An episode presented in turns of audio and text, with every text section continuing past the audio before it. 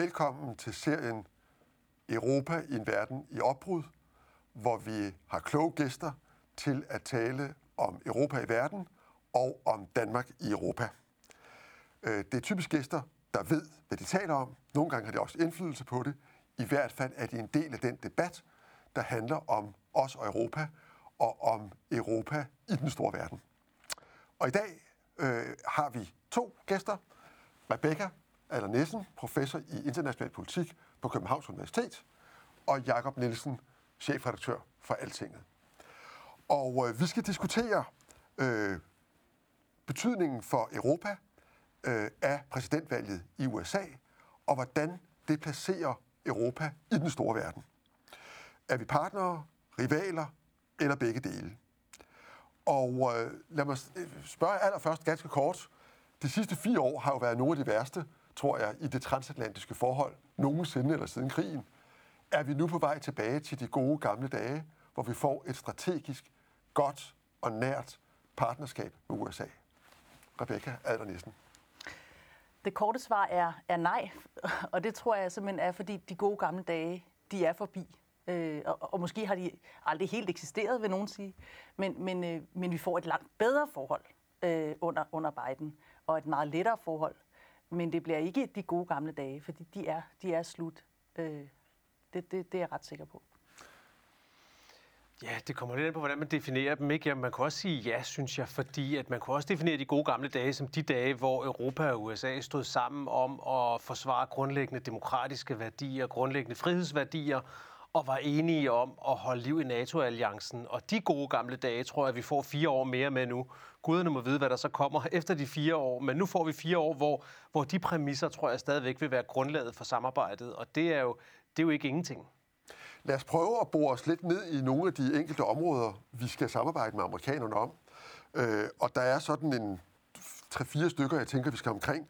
Øh, teknologi, handel, klima og forsvar. Og hvis vi nu begynder med, med teknologien, der har vi jo øh, de senere år, sådan set også lidt uafhængig af Biden, haft nogle diskussioner om, hvordan skal vi egentlig forholde os til de store amerikanske tekstselskaber.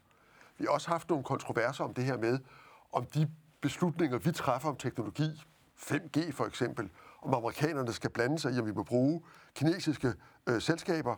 Vi har haft en diskussion om skat og om konkurrenceforhold.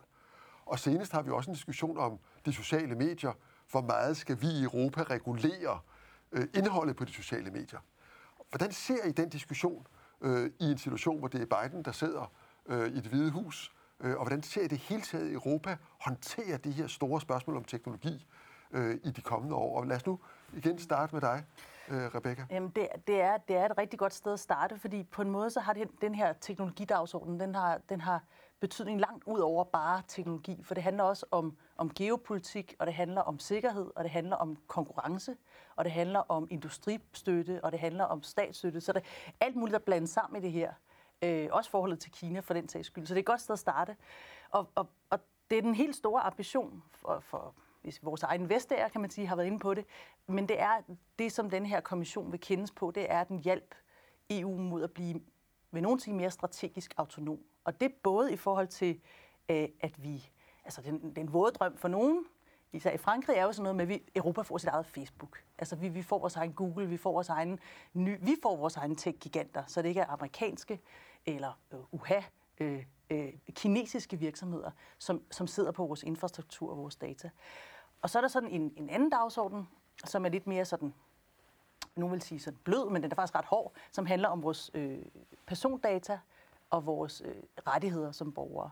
Så, så he, den dagsorden er meget stor, og hvordan vil den få det under Biden? Jeg tror, den vil få det lidt lettere, forstået på den måde, at i det demokratiske parti er der jo mange røster, som er enige grundlæggende med, med Vestager øh, og resten af kommissionen om, at der skal reguleres. Der, hvor øh, djævlen så kommer ind, det er, hvem skal gøre det? Og, og hvem skal betale bøder til hvem? Øh, og hvem skal betale skat til hvem? Hvem skal betale skat til hvem? Og der er man jo nok... Øh, kan godt at man har sådan en eller anden overordnet idé om, at vi skal regulere de her, det her marked mere. Men, men, men der er bare stor forskel på, om det er USA eller EU, der skal gøre det. Der vil Biden selvfølgelig, som en hver god amerikansk præsident, sige, det skal amerikanerne selvfølgelig gøre. Og vi vil ikke betale øh, skat til til, til EU eller til Europa. Så der, der er altså nogle ægte konfliktlinjer, som ikke bliver lette at løse, og som ikke har noget at gøre med, om man er republikaner eller demokrat. Noget af det, der bliver rigtig spændende, synes jeg, det bliver at se, om om altså det der notorisk handlingslammede amerikanske kongres, om de rent faktisk har noget momentum til at begynde at regulere tech-selskaberne. Og her tænker jeg meget på demokratidagsordenen, ja. fordi at jeg synes, det står meget klart nu, efter det her valg også, at tech-selskaberne på mange parametre er en undergravende kraft i forhold til demokratiet, som vi kender det. Og, øh, og det har man også som noget lidt nyt, synes jeg, hørt amerikanske politikere sige og gribe fat i og gå hårdt til tech-selskaberne og sige, hvad er det egentlig, hvad er det egentlig, I har gang i? Vi så her, vi så her på valgnatten, hvordan både Facebook og Twitter var meget, meget opsatte på hurtigt at gå ind og stemple øh, Donald Trumps tweets og Facebook-opslag og, og give korrekt information, når han skrev noget. Men, men det er jo et lille plaster på et meget, meget stort sorg, fordi den underliggende tendens har jo været, at Facebook især, tror jeg, og også andre sociale medier, igen har spillet en ekstremt destruktiv kraft i demokratiet i forhold til at være kæmpe spredere af misinformation øh, og, og, og hvad, hvad kan man gøre ved det? Og er amerikanerne parat til at gøre noget ved det? Det synes jeg er en sindssygt spændende øh, ting at følge. Vi, vi har jo en, en, en meget stærk øh, øh, tryk lige nu, også fra Frankrig efter de sidste terrorangreb, hvor jo præsident Macron øh, har det synspunkt, du har. Men, men tror du ikke, at vi øh, kommer op imod nogle meget stærke modkræfter, også i Europa, der siger, jamen for søren, de her øh, sociale medier, de er jo en meget vigtig fornyelse og en meget vigtig del af demokratiet. Jo. Jo, vi, vi, vi, de, de, har, de, de lever stadigvæk trygt under den paraply, der hedder, at de er en udvidelse af ytringsfriheden, hvad de jo også sådan set er. Mm. På den måde, de i hvert fald har gjort det muligt for en masse mennesker at få spredt deres ytringer på en måde, de aldrig har fået før. Men min fornemmelse er, at, at, at den at den dagsorden en lille smule er på tilbagetog i takt med, at vi mere og mere erkender, hvor meget kraft der ligger i de der meget, meget uigennemskuelige algoritmer, som styrer meget af det, der foregår på sociale medier. Og, øh, og, og, og, og der bliver det selvfølgelig dels spændende, hvad kongressen gør, også rigtig spændende, om EU kan gøre et eller andet, fordi EU er jo stor nok til rent faktisk også at kunne regulere på en måde, hvor selskaberne bliver nødt til at tage det alvorligt, hvis der kommer EU-regulation. Så det er noget af det, jeg, jeg, jeg tør ikke spå om, hvordan det ender. Det aner jeg ikke, men det er noget af det, jeg er allermest spændt på at se. For EU sit hus i orden? Bliver der noget fra USA, og bliver det i en eller anden form for, øh, for samarbejde, at man bliver enige om, at her er nødt til at ske noget? Vi er jo også i den underlige situation, at sådan en som Mark Zuckerberg, han jo står og siger, kom nu, lav mm. noget regulering, giv os nogle regler, så vi ved, hvad vi skal leve efter. Og den bold er politikerne simpelthen nødt til at tage op. Ja. Og, og det bliver ikke let, fordi at det, man kommer ned i nogle meget svære dilemmaer. Øh, tag coronakrisen. Øh, hvornår er det at anbefale mundbind øh, i, i misinformation, og hvornår er det ikke? Vi sidder med et forskningsprojekt lige nu, hvor vi skal prøve at, def- at, at kigge på, på misinformationsspredningen. Og, og når vi ser tilbage i starten af foråret, der sagde Sundhedsstyrelsen, det var ikke Øh, det var ikke øh, anbefalesværdigt at bruge mundbind, det behøvede man ikke. Det har de så ændret holdning til siden. At, at, hvornår er så noget misinformation? Så nogle helt konkrete spørgsmål vil man tage stilling til. Men jeg tror mere, EU's, sådan som jeg læser EU's dagsorden her, den er lidt anderledes end den amerikanske. Den er mere orienteret omkring individuelle rettigheder.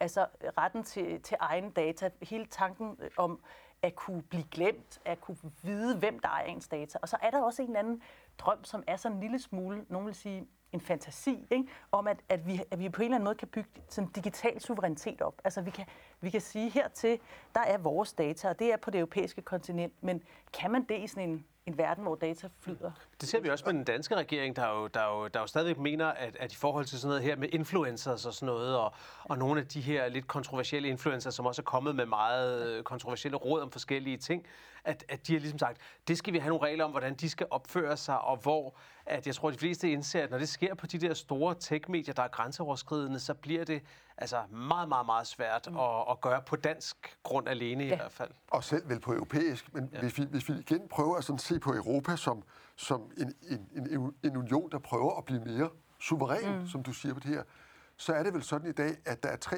øh, forskellige opfattelser derude af, hvad data er for noget. I Kina der er det noget, staten ejer og har ret til. I USA er det noget, markedet ejer og har ret til. Og i Europa har vi en idé om, at det er noget, vi som borgere ejer. Tror I på, at Europa er i stand til, så at sige, at sætte foden ned og sige, i hvert fald så længe I opererer her, så er I nødt til at respektere, at her er det altså borgernes data, vi har ved at gøre, og vi den europæiske union. Mm. Vi vil beskytte vores borgers data, vi vil have kontrol med det, og vi vil sikre, at de har de rettigheder. Tror I, det er netop muligt? Det er et godt spørgsmål. Ja, til en vis grad. Altså, hvis man tager GDPR-lovgivningen, som ligesom er den, som vi alle sammen kender, altså persondata-ordningen. Altså den, der, der regulerer, hvem der må dele hvilke ja, data. Den har jo haft, altså mange hader den, fordi man skal pludselig øh, skrive, øh, acceptere alt muligt, og alle virksomheder skal, må ikke opbevare personoplysninger øh, i særlig lang tid, og det skal være meget øh, klart, hvorfor osv. Der er alle mulige regler. Det er byråkratisk, men det har jo virker forstået på den måde, at, at vi lever alle sammen op til det, og vi har fået en helt anden forståelse af, hvad, hvad persondata øh, er, og hvorfor vi har ret til at få beskyttet vores data. Den virker, den virker endda så godt, så man har kopieret den, også i USA, paradoxalt nok. Ikke? Så i Kalifornien, der, der har man jo lavet sig inspireret af GDPR i deres nye lovgivning. Og jeg tror, at det samme kunne ske med hele, øh, hele, hele den her øh, tanke om et digitalt pas, som man har, eller sådan, som, som er, ligger som forslag til lovgivning lige nu det kunne jeg da sagtens forestille mig. At, at man, altså digitalt pas for personer ja, eller for ting? som minder lidt om sådan en lille ja. pas, man har, så man ikke afgiver mere ja. øh, information om sig selv end, end højst nødvendigt. Øh, hvorfor skulle det ikke få en enorm global indflydelse? Det tror jeg. Er du også optimistisk, Jacob Nielsen? Ja, helt klart optimistisk, i hvert fald så længe, at, øh, at, øh, at vi har EU, der prøver, fordi det, der i hvert fald er, er realiteten, det er, at jeg synes, det her, det er, det er øh, det er sådan et, en påmindelse om, hvor heldige, hvor glade vi skal være for, at vi har fået noget, der hedder EU. For tænk, hvis vi først var 25, eller hvor mange det nu er, europæiske lande, der skulle sidde uden nogen institutioner og rammer til at gøre det i, og skulle sige, nå, hvordan løser vi denne her, venner? Vi skal først lige finde ud af at oprette et øh, forum, hvor vi kan gøre det. Hvem skal sidde med i det? Og hvordan skal de træffe beslutninger og alt sådan noget? Altså, problemet her, synes jeg, er jo lidt, at det er en kamp mod tiden. Ikke også? At at, øh, at lovgivning er på vej, lovgivning bliver diskuteret, men selv hurtig europæisk lovgivning skal jo igennem så mange instanser, fordi det er demokrati, at det tager to-tre år i mm. bedste fald ja. at få det vedtaget og implementeret og gennemført. Og Facebooks algoritmer, de skifter sådan her mm. overnight, så vi er op imod, og, og deres indflydelse på samfundet er så ekstremt hurtigt. Ikke? Altså den måde, de kan flytte store menneskemasser på. Der var bare et eksempel lige efter valget, øh, lille eksempel, der opstod sådan en gruppe på Facebook, der hed Stop the Steal, som var sådan en gruppe af folk, der mente, at Biden var ved at stjæle valgsejren uretmæssigt. Og i løbet af mindre end et døgn havde den, jeg tror, 350.000 medlemmer. Den hurtigst voksende Facebook-gruppe nogensinde. Og det er selvfølgelig et, et lille antal i et stort land som USA, men 350.000 mennesker, der i løbet af så kort tid var samlet i en fælles opfattelse af, at der var ved at foregå nærmest et kup fra Bidens side, og at de måtte gøre noget. Det er ekstremt stærke kræfter, man er op imod der. Ikke? Men det du også siger, det er jo også, at det kan så ske på kontinent og kontinent, ikke? men vi får jo aldrig en international, som det ser ud lige nu, med de regimer, vi har i Rusland og Kina og Tyrkiet, får vi jo aldrig en international regulering af det her område, som jo egentlig kalder på det. Men der er, og det er der, hvor jeg synes, Biden, hvis vi tilbage til, til Biden, der er blevet valgt, det er der, hvor jeg synes, det er vigtigt, fordi det, jeg var med til en konference en måneds tid før valget, tror jeg, med den amerikanske historiker og forsker Timothy Snyder, mm. som, som sagde noget, som jeg tror, vi i Europa tit glemmer. Han sagde, husk nu, I er verdens demokratiske kraftcenter i Europa. Det er jer, der er demokratiets kraftcenter. Det er jer i Europa, der skal gøre noget ved det.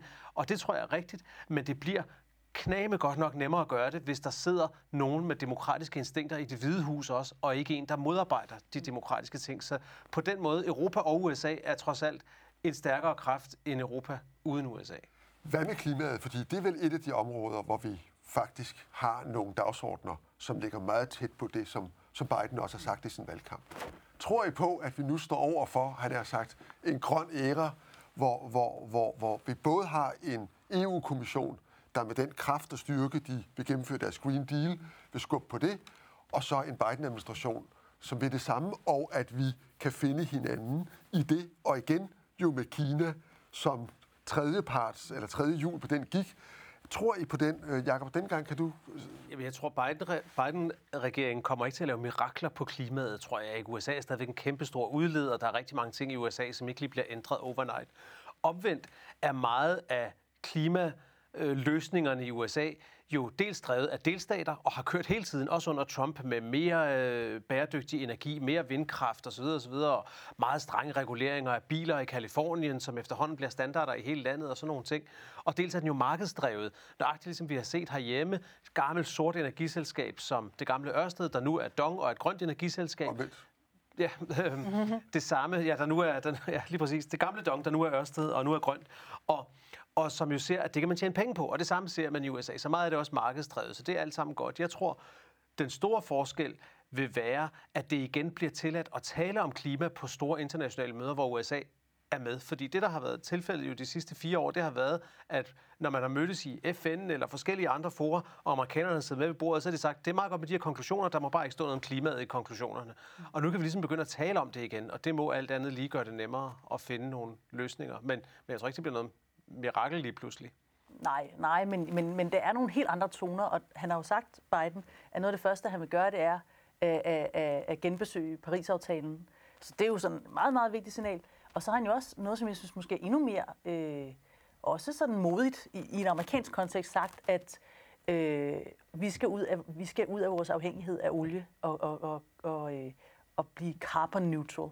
Øhm, og det er vel vidende, at der jo, som du siger, stadigvæk er en stor industri i USA. Øh, og så kan man sige, at det er bare noget, han lover. Men altså, bordet fanger jo også for, for sådan en dagsorden. Så jeg tror også, vi kommer til at se en investering i USA i det her øh, fra, fra hans side, som øh, flugter med EU's. Øh, et af de steder, hvor jeg tænker, at vi, vi, vi kommer til at se noget, der både kan blive meget stort, men også kan det rigtig hårdt, det er jo den her idé, som EU har, og som EU-kommissionen i den grad har slået på, at hvis vi virkelig gør alt det i Europa, som vi nu har lovet hinanden at gøre, er vi nødt til at beskytte vores industri ved at have en, en, en afgift, der ligger ved EU's ydre grænse, øh, sådan at vi ikke har konkurrence fra produkter, som ikke for eksempel skal betale den samme pris for at bruge fossile brændstoffer, som man skal i Europa. Altså det, som hedder en, en grænsereguleringsmekanisme for carbonindhold. Og jeg har set, at, at Biden faktisk har sådan løst også nævnt den samme idé, men det er jo noget, der griber dybt ind i international handel, øh, og som jo, selvom EU vil sige, at det er noget, vi godt må, også for den internationale handelsorganisation, så er der helt sikkert mange, der vil synes det modsatte. Forestiller I jer, at, at noget altså, så vidtgående, som at altså, man begynder at, at kunne forhandle mellem EU og USA, om ting, der virkelig vil ændre international handel på, på klimaområdet, tror I, at det er politisk muligt, både i USA og Europa, og mellem de to blokke? Ja, altså man, kunne, man, kan, man, kan, man eller andet, øh, hvis man, hvis man har sådan de optimistiske briller på, så, det kan vi godt lide. så, så kunne man, vi, kunne man lege med tanken om, at det kunne være en rigtig fin forhandlingssituation, hvor man sad der og troede hinanden med de her øh, kan man sige, miljøafgifter, er det vel på en måde slags en, en, en afgift for, eller en, en barriere. Du kan kun komme ind med dit produkt, hvis det er produceret på en måde, så det ikke øh, så det, så det er carbon neutral. Øhm, øh, men det kunne så være en gensidig øh, lovning, at man så satte, satte standarderne til fælles højde. Ikke? Det ville jo så være at løse det problem, kan man sige, ikke? fordi så var, så var vi alle sammen på linje. Det er jo selvfølgelig måske lidt, et, et lidt for grønt, øh, lysegrønt håb, øhm, men, men jeg, altså, det, der er udfordringen for klimadagsordenen lige nu, det er, at den, ram, den, den, den har fået medvind på et tidspunkt, hvor øh, økonomisk nationalisme og protektionisme også har fået medvind. Og hvordan de to sådan dagsordner går hånd i hånd, det, det, det er lidt svært at se, for det ene, det kræver internationalt samarbejde, øh, og det andet, det, kræver, det handler om at lukke sig om sig selv. Og det er så den, øh, det er så den positive udvikling, men, øh, men øh, der er jo også andre muligheder, eller hvad? Ja, lad mig tage de, de negative nej, nej-brillen på, hvis der findes sådan en. Øh, altså, jeg synes, de erfaringer, vi har haft med, handels, øh, med handelsforhandlinger, har jo ikke været super gode. Der var kæmpestor vilje under Obama på begge sider, sådan set i EU og USA, til at forhandle en kæmpestor transatlantisk handelsaftale. Men realiteten var, at den jo aldrig rigtig kom i nærheden af at blive afsluttet, inden Obama pludselig var væk, og det hele forsvandt op i den blå luft. Så det der med handelsaftaler, synes jeg virker som noget af det allersværeste i international politik lige nu. Se også bare forhandlingerne med EU og Brexit, og altså, det er virkelig noget, der er svært at lande, fordi at det til sidst bliver øh, nulsomspil, hvor at nogen skal give noget, og andre skal afgive noget. Et af de store dyr i den åbenbaring mellem EU og USA på handelsområdet, det er jo landbrug. Hvorfor er det, at vi ikke vil importere amerikanske fødevarer? hvilket de jo er smæksure over derovre. Hvad er, hvad er, der, hvad er der galt med det? Det er jo fordi, de er så meget ulækre. altså, det er vel det korte svar på det. Men det er jo fordi, at der er følelser, etik og øh, værdipolitik i øh, fødevarer også. Ikke? Altså noget af det, der er med amerikanske landbrugsvarer, det er jo de her det er jo de her klorinficerede kyllinger, som man taler om, altså hvor kyllingerne simpelthen bliver dyppet i klor øh, under, øh, under plukningsprocessen, tror jeg, for at, at simpelthen effektivisere processen, og det er forbudt i Europa, og det må man godt i USA. Når man køber øh, oksekød i USA, er det typisk også sprøjtet med forskellige ting, så det lige er vokset lidt hurtigere og sådan noget, og det har vi forbudt i Europa. Og det er jo det er jo ekstremt følsomt for USA at skulle... Det, det, vi er tilbage ved sådan noget lidt ligesom grønne miljøkrav i virkeligheden på klimaet. Det er, det er nogle krav, som vil gøre det ekstremt meget dyrere at producere fødevarer i USA, hvis de skal leve op til dem, og som vil være sikkert et uacceptabelt tilbageskridt for de fleste europæere, hvis vi skal til at have fødevarer, der ikke lever op til de, til de standarder, vi nu har vendet os til her. Og hvis vi så tager den her dagsorden, klima, handel, øh, grønne afgifter på grænserne, som, som vi var inde på før, og så ser det også i, i perspektivet Kina, Øh, hvis du nu igen er på den optimistiske front, kan du så se for dig, at øh, hvis Europa og USA kan blive enige om at sige, at vi sætter simpelthen en meget høj bare for, øh, hvad vi vil acceptere af så at sige, dumping af dårlige klimating ind på vores marked. Kan man så overtale Kina øh, til at være med på det, eller står vi så i, i en situation, hvor Europa og USA, så at sige, sammen vil gøre front mod, mod Kina? Altså, Kina er så stor, at Kina bestemmer selv, hvad Kina gør, tror jeg, i, i, den, i den sammenhæng. Og, og dagsorden, den grønne dagsorden er jo sat nærmest sådan indrigspolitisk i Kina. Øh, altså forstået på den måde, at uagtet hvad vi andre foretager os, så har de tænkt sig at lave grøn omstilling og er i fuld gang med det på, på, på en række områder. Så på den måde så er det næsten, øh, jeg skulle til at sige, en, en dagsorden, der kører sig selv. Den kører sig så ikke på den måde, som vi nødvendigvis altid vil gerne vil have det. Øhm, og på vejen sker der jo en del overgreb og og også øhm, undertrykkelse af menneskerettigheder. Altså, det er jo ikke fordi, at, at, at alt er, er let, men, men jeg tror på den måde, og helt overordnet, så er alle på vej den samme vej. Men når det så gælder altså handel, handelspolitikken, så kan jeg ikke se, at det... Altså, der er både de ting, som Jacob nævner, at mellem USA og EU vil vi få problemer. Vi kan bare se et lille mini potpourri af, hvad der sker i Brexit-forhandlingerne, hvor lige præcis miljø- og klimadagsordenen er et af, faktisk er et af de problemer, der, der bliver for britterne i forhold til at få adgang til det indre marked, fordi de jo gerne vil måske kunne slække lidt på de regler. Kineserne vil jo heller ikke nødvendigvis sige, at det er vores regler eller standarder, og de vil jo selvfølgelig se dem som konkurrenceforvridende.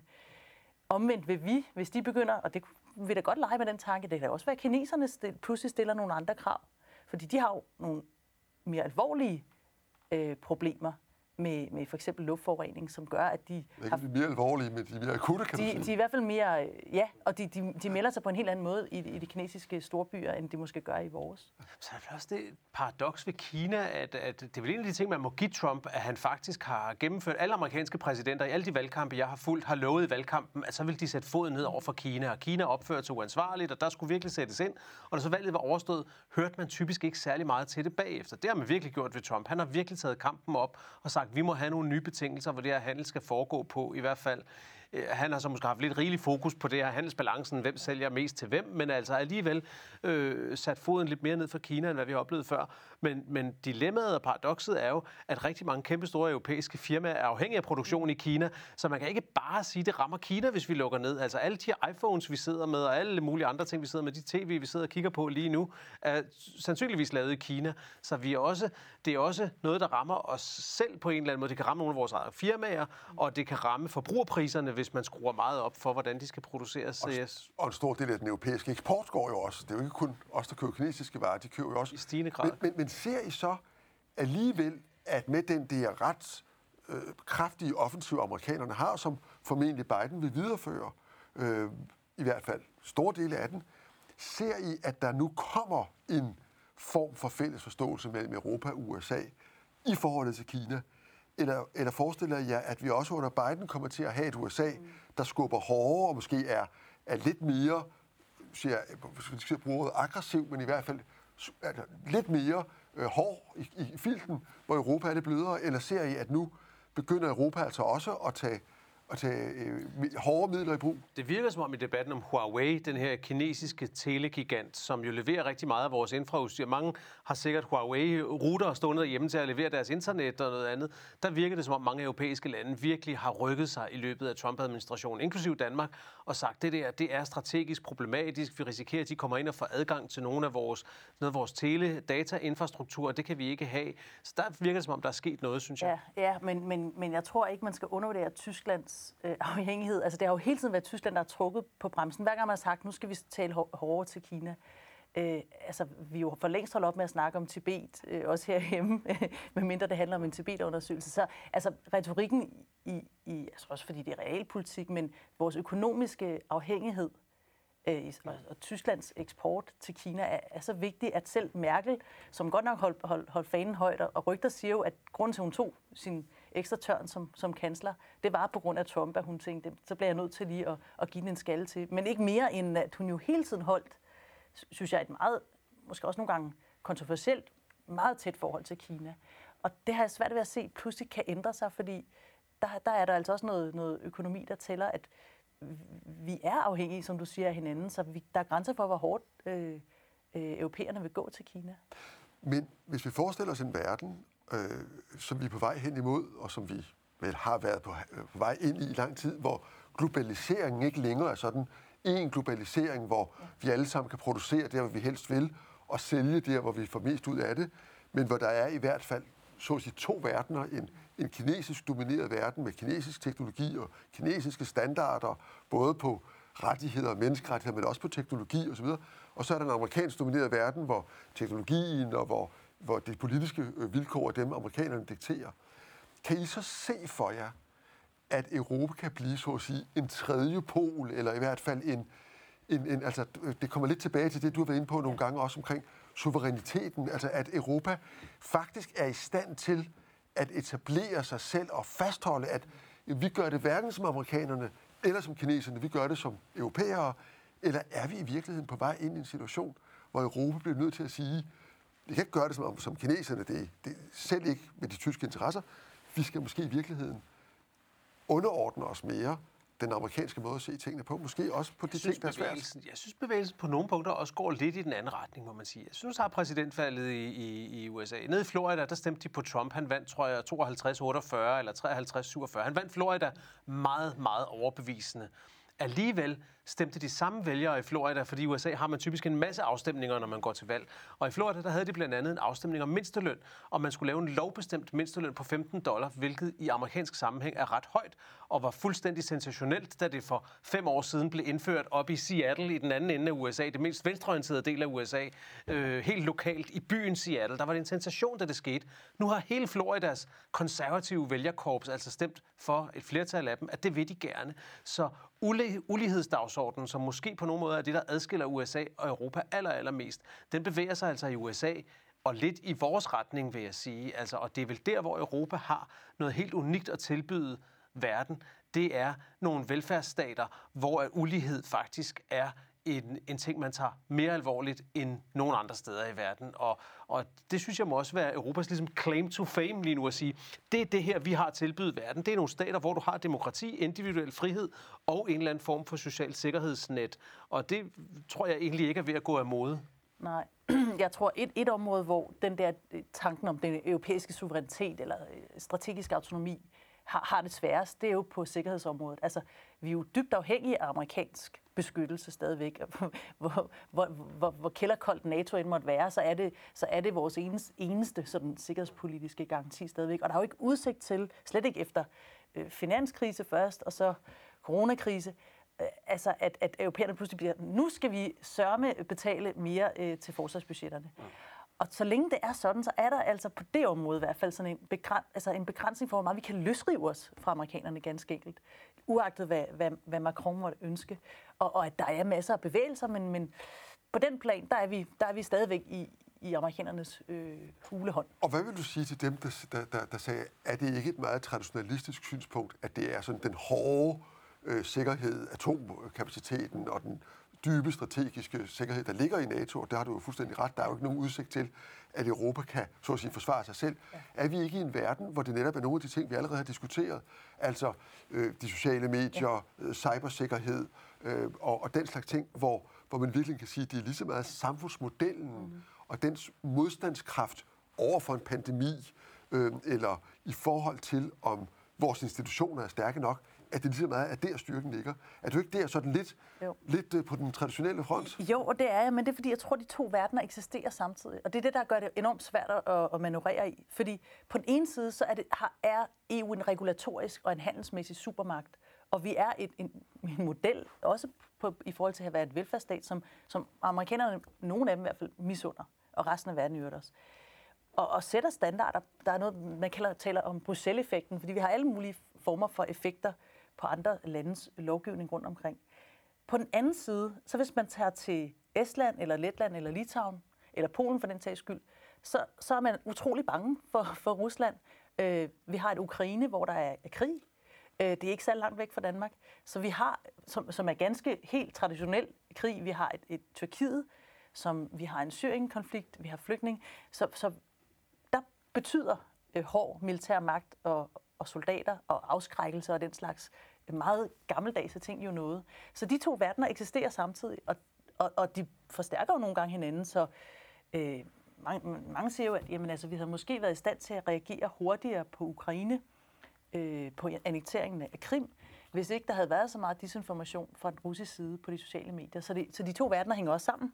Men jeg tror ikke, man kan se bort fra, det vil i hvert fald være en, synes jeg, en måske næsten moralsk øh, problem at ligesom ignorere hele den del af Europa, som, som, som ligger så tæt på, på det, de opfatter som deres største fjende, nemlig Rusland.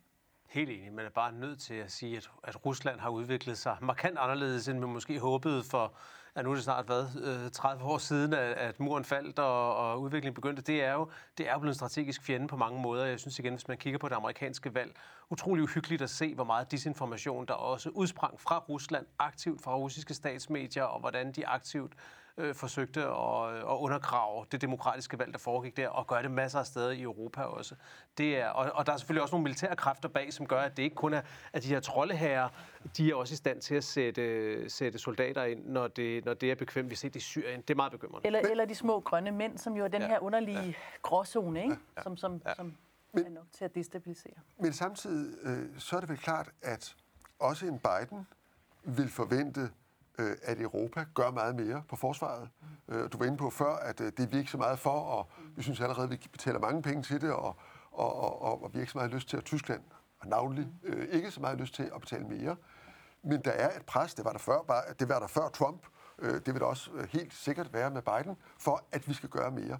Og det mere, de taler om, er jo ikke kun, at vi skal øge vores forsvarsudgifter. Det er jo også, at vi skal spille, altså vi i Europa, og dermed også EU, skal spille en større rolle for nærområdet øh, sikkerhedsmæssigt. Og det vil sige, det er os, der skal håndtere Tyrkiet. Det er os, der skal være i Nordafrika og holde styr på migrationsstrømme og ustabile regimer. Det er i et eller andet omfang også os, der skal betrygge de lande, du taler om, mere i, at vi vil altså hjælpe jer på alle måder, hvis I bliver trykket, eller når I bliver trykket fra Ruslands side. Så er der ikke et paradoks her, eller en modsætning mellem, at du siger, jamen, vi, vi bliver bare nødt til at erkende, at det er NATO, der, der, der er dem, der har styr på det her, og derfor må vi tilpasse os USA. Og så amerikanerne, der siger til os, Jamen, vi vil ikke rydde op i jeres nærområde, det må I selv gøre. Det, det er interessant. de, sidste, de sidste to amerikanske præsidenter før, før Biden, altså Obama og Trump, blev begge to valgt på løfter om at trække USA ud af alle de krige. Altså det var sådan set også det, Biden blev valgt, eller Obama blev valgt på i sin tid. Og han var så længe om at gøre det, fordi at han mente, det var uansvarligt bare lige at gøre det sådan der. Og, øh, men, men det var helt klart en stor del af hans appel til vælgerne tilbage i 2008, da han blev valgt første gang, at han, havde været, han var imod Irakkrigen. Alle andre var, var han havde været imod den. Og, øh, og, og det samme med, med Trump, og han forsøgte så meget mere aktivt at få USA ud. Han kæmpede med generalerne og med forsvarsetablissementet hele tiden og sagde, kan vi ikke bare komme ud af Afghanistan? Kom nu væk, vi skal hjem derfra. Og tror jeg med stor opbakning i befolkningen. Det er lidt mere uklart for mig, hvad Biden egentlig er gået til valg på i den sammenhæng, fordi det har ikke fyldt ret meget i den amerikanske valgkamp. Men tendensen vil nok være den samme. USA har ingen lyst eller appetit til at komme ud i nye store eventyr lige nu. Og Derfor handler det måske mere om bare at få stabiliseret NATO-alliancen, fordi vi kommer trods alt fra et sted, hvor at hver gang europæerne mødte op til et møde i NATO, så var de jo bange for, at Trump ville sidde over på den anden side af bordet og sige, venner, jeg er her for at fortælle jer, at vi lukker nu, vi kommer ikke, vi kommer ikke næste gang. Og, og altså, det er ligesom der, vi starter fra. Og vi kommer ikke, hvis du trykker på den røde knap. Det er jo Præcis, det er det. værre. Og der må man nok også mm, desværre sige, at, at, at er Europa overhovedet sådan moden til at tage det ansvar. Altså, og det, det er der jo ikke nogen, der har været særlig gode til. Hvis vi ser på udviklingen i Nordafrika, øh, det øh, altså, det europæiske forår. Jeg kan, jeg kan huske, at jeg arbejdede i Udenrigsministeriet, da- det europæiske forår, som det hed det jo dengang, sådan meget. Det, det, det arabiske forår, mener du? Ja, undskyld, det er jo ja, ikke det europæiske. Det arabiske forår øh, kom, og, og, øh, og man anede ikke, hvilken fod man skulle stå på, eller hvordan man skulle forholde sig til det. Og det, det er vores nab- naboland. Der ligger kun et, et, et lille middelhav imellem. Og det er jo ikke fordi, at den her periode har gjort os mere um, klar over, hvordan vi egentlig vil håndtere de her lande, som ligger så tæt på Europa, men som øh, har øh, et utal af, af udfordringer. Og, og nogle flygtninge, som vi helst ikke vil have, og migranter for den sags skyld. Men er, vi ikke, er det ikke, han har sagt, en bundet opgave i den her verden, vi ser ind i Jo. nu? Og, og når, vi, når I begge sagde i starten, vi kommer ikke helt tilbage til det, der var, selv med et tillidsfuldt forhold til Biden, så er det her jo ligesom, øh, det, det står lige på Det er, en kæmpe, det er en kæmpe opgave, men den er, den er fyldt med de aller, aller sværeste ting i hele verden. Det er øh, altså, øh, aftalen med Tyrkiet om, at de skulle sørge for, at der ikke kom nogen flygtninge via Tyrkiet ind i Europa. Det betalte vi dem nogle penge for. Det, det, det har jo også været med til at holde Erdogan øh, ved magten, eller i hvert fald gjort, at vi ikke har kunne kritisere ham. Så vi, har, vi betaler nogle priser for de politiske valg, vi træffer. Og nogen vil så sige, at NATO-alliancen øh, har også lullet europæerne i søvn. I al den tid, den, den har eksisteret, og den eksisterer, så vil vi have den der fornemmelse af, at der er en storebror. Det er jo det, er jo, det, er jo det der kri- kritikerne vil sige, ikke? at indtil, indtil plasteret rives af, og vi står, finder ud af, at vi står helt alene, så vil der ikke ske noget. Så De vil vi ikke fleste tage den store ansvar. europæiske fremskridt er jo sket i dybe kriser. Altså det er, når krisen er allerdybest, at europæerne ligesom rækker ned og siger, nå okay, men så må, så må vi også se at få det løst nu.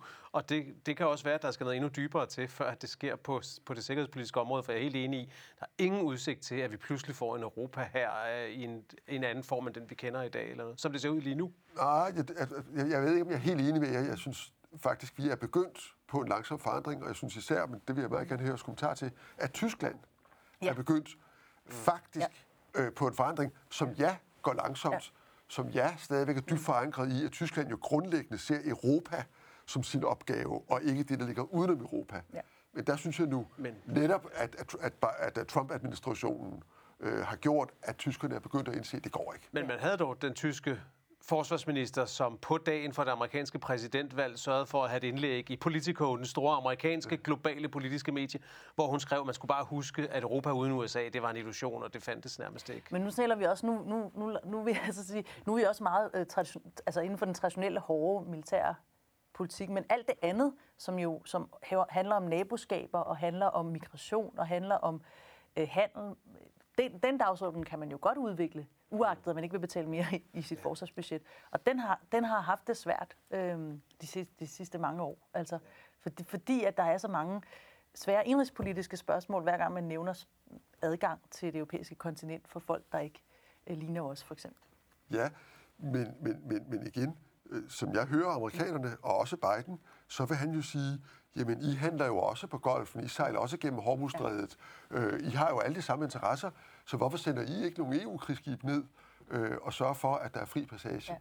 Og, øh, og det krav vil jo komme, øh, men, men, men jeg, jeg hører jer sådan, jeg, jeg hører jer være meget sådan, ja ja, det krav kommer, men, men der sker ikke rigtig noget. Jeg synes, der er sket meget, helt klart, øh, altså mentalt, men også i, i virkeligheden, altså øh, øh, ude for Somalia, man har der fælles missioner, så det ikke, så det, jeg vil slet ikke sige, at der ikke sker noget. Der, der, altså, hvis man tænker Danske på, og hvor franske kort soldater, der, men der det er jo- prøver at holde styr på Det er Mali. bilateralt. Og, Men altså, det er jo ikke, men det er jo det er netop for EU. bilateralt. Ja. Ja. Men det, det er mange gange starter tingene bilateralt, og så ender det Schengen startede bilateralt og endte i EU. Prøv, prøv at uddybe lidt det, du, du, du forklarer. Jamen, jeg, jeg, har, jeg, jeg, jeg tror nemlig, at det, der sker nu, det er ligesom forstadierne til noget mere fælles europæisk. Så jeg tror, at franskmænd har indset, at det er svært at komme igennem øh, udenrigs- og sikkerhedspolitikken i EU-systemet, blandt andet fordi der er enstemmighed.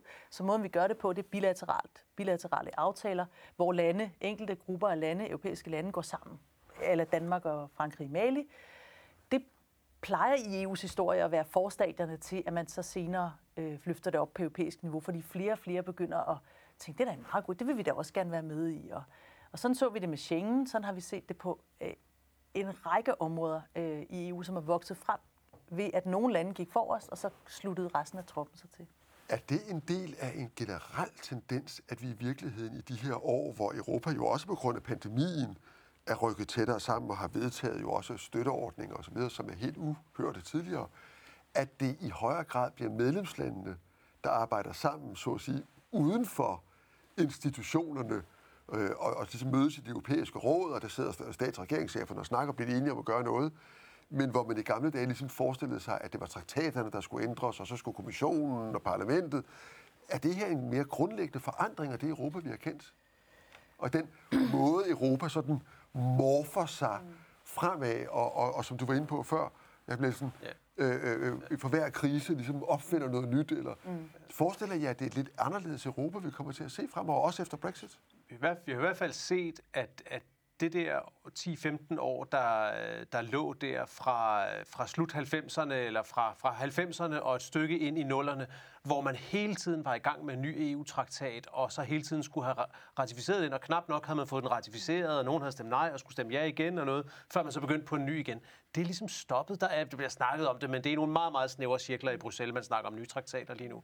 Appetitten på det er ligesom slut, og så er man i stedet for begyndt på meget af det, Rebecca siger, med at løse konkrete problemer, hvad der måske er meget godt, og mange gange sker det udenfor. Det ser vi også i Danmark, hvor vi, hvor vi har en regering, der hele tiden siger, at den vil lave flygtningemodtagecentre i Nordafrika, og det ligger vi ligesom selv og forhandler, og på gode dage håber vi, at Østrig er med, men det er ligesom noget, vi selv skal styre, selvom vi ikke engang er med i EU's politik om det der. Og det er også sådan noget, hvor jeg tror med tiden vil, vil det vise sig, at den eneste måde, det kan løses på, det vil være, hvis det sker på EU-plan. Så jeg tror helt klart, det er en tendens, vi ser, at nogle regeringer føler behov for at handle mere selv eller sammen med nogen, men i sidste ende, hvis det skal være effektivt, ender med at putte det, putte det ind i den hat, vi har, der hedder EU, fordi der har man ligesom alle værktøjerne. Jeg tror også, der er en meget øh, lavpraktisk grund til det. Det er simpelthen utrolig svært at blive enige i 27 ja. medlemslande rundt om et bord. Og, og fordi EU er blevet så stor, som det er efter de mange udvidelser, så, så er der bare større risiko for, at man får blokeret noget. Og, og så bliver det en meget logisk ting, at man, at man hiver hinanden uden for et, et rum og siger, vi, vi, vi går lige foran øh, selv. Og det er jo derfor sådan en som den franske økonom Piketty, som, øh, som vi har talt meget om de senere år, han også står og siger, jamen altså, en af de ting, han slet ikke forstår, det er, hvorfor små lande som Danmark er imod at man kan træffe flere afgørelser i EU, uden at man skal være enige om alting. Altså det, man kalder flertalsafgørelser, hvor at man kan vedtage noget, selvom det ikke er alle, der er helt enige fra start. Fordi han siger, jeg forstår slet ikke, hvordan I ikke kan være interesseret i, i mere af det. Fordi som et lille land er I jo interesseret i, der kan vedtages ting. Alternativet er jo, at de store lande sidder og vedtager det for sig selv, uden for mødelokalet, hvor I slet ikke sidder med. Så det, det bliver helt klart også en vigtig diskussion i Europa. Mm. Øh, og det ville det være, uanset om det var Trump eller Biden, eller hvem det var. Altså Euro, Euro, øh, Euroklubben er jo et, et eksempel på, at, øh, at, at man kan også godt gøre det inde i selve EU, så der er sådan ligesom en klub inde i klubben, og det, kan, det tror jeg også, vi kommer til at se mere af. Altså eurozonen bliver jo styrket øh, dag for dag. Altså forstået som politisk øh, aktør. Den bliver styrket, og man kan sige også ved, at det største ikke-euroland, mm. Storbritannien, ja. træder ud nu, ja. øh, er trådt ud, øh, så er vi jo nogle få lande tilbage. Ja. Det, jeg tror slet ikke, vi kan have, have indset i, i, i Danmark, hvor stor betydning det har, at lige præcis på den dynamik. Men det er jo særligt, fordi for os har det ingen betydning andet, end at vi ikke sidder med ved mødebordet, for vi er jo med i euroen i alle praktiske henseender. Vores valuta følger den så tæt, så, så euroen, det, det giver ikke nogen problemer for os. Der er andre lande jo, Sverige og andre, som ikke er med i euroen, som mærker det, fordi at deres valuta nogle gange tager nogle ordentlige hop i forhold til euroen, fordi de ikke øh, er Der er også noget politisk jo, netop i forbindelse med de store hjælpepakker, mm. der er vedtaget her i, i, i år. Selvfølgelig. Hvor man jo... Men jeg tror bare, for herre fru Jensen er det bare ikke nogen særlig stor tab, at danske ministre ikke sidder med ved det mødebord. Der er ikke nogen mennesker, der rigtig måske for alvor opdager det. Der er ikke nogen konsekvenser for os. Der er ikke nogen konsekvenser for, hvad prisen på et fjernsyn koster nede i Elgiganten. Det har det i andre lande, fordi deres valuta kan svinge i forhold til det, Det er rigtigt, men, men den, man kan sige, evnen til at sætte danske fingeraftryk i EU's maskinrum, og det er rigtigt, det kan man være fuldstændig ligeglad med, men det er ikke desto mindre enormt reduceret af, af den her udvikling, af at vi ikke har britterne med os til at hive hive beslutningerne ud af rummet og sige, vi, hov, hov, vi er alle sammen medlemslande, vi skal alle sammen Jeg er helt enig, min pointe er bare det der med, at vi ja. på en eller anden måde er i en lidt drømmetilstand i Danmark, hvor vi, hvor vi tror, det er lige så godt at være med, som ikke at være med, fordi vi har bundet os så tæt til euroen, at vi fordi mærker vi er, ikke vi konsekvenserne af ikke at være med. medlem af, ja, det er det. af Europa. Vi skal snart til at slutte, men ja. jeg kunne godt tænke mig, inden vi gør det, og stille jer begge to et spørgsmål, der hopper lidt ud af den meget snævre, sådan Bryssel Europa-dagsorden, men mere ind i det, det, det, det land, som jo er meget tæt forbundet med os, nemlig Grønland, som jo har en mærkelig status, fordi det på den ene side ikke er medlem af EU, men på den anden side jo er en del af Danmark, som er det, og hvor vi jo har set, at amerikanerne under øh, Trump har i den grad øget sin interesse for og sit ønske om at være til stede i Grønland. Mm. Øh, også på en måde, som måske altså øh, jo har øh, ambitioner, der rækker ud over, hvad vi nødvendigvis synes er en god idé. Det så vi jo med, med købstilbuddet. Mm. Ser I for jer, og det skal være ganske kort, ser I for jer, at den amerikanske sådan, øh, interesse for Grønland, strategiske, øh, politiske, økonomiske, civile, militære, fortsætter under Biden, eller forestiller jeg, at man glider tilbage til øh, sådan den traditionelle, som vi har set i de sidste mange år? Ja, jeg er helt sikker på, at den fortsætter. Det tror jeg. Og, og det vil selvfølgelig blive iklædt lidt mere sådan diplomatiske gevanter, men jeg er sikker på, at det fortsætter. Og, og det er jo også fordi, man fra Grønlands side i dele af den grønlandske øh, politiske scene også er interesseret i at have nogle alternative øh, måder at, at blive mere fri fra Danmark på. Og der er Kina en vej, og USA en anden. Øh, så man leger jo også lidt med, med den her idé om at, at løsrive sig mere fra Danmark ved at have en anden patron, kan man sige, og der er USA en af dem. Og så, og så er der vel en anden ting, jeg er også helt enig i, det kommer til at fortsætte, at, at med Biden-administrationen får det også klimavinklen. Der har jo været det lidt groteske, at Danmark i mange år brugte Grønland aktivt som en slags klimaværktøj, vi kunne bruge til at skaffe os adgang alle mulige steder rundt i verden. Øh, og under Trump har det været forbudt at diskutere klima, samtidig med, at de har engageret sig så meget i Arktis. Arktis er jo også et klima-hotspot, mm. så jeg tror også, det bliver det vil fortsætte, og det vil også få klimadimensionen ovenpå, som vil forstærke USA's engagement i den region, tror jeg. Tusind tak til jer begge to. Tak for i dag.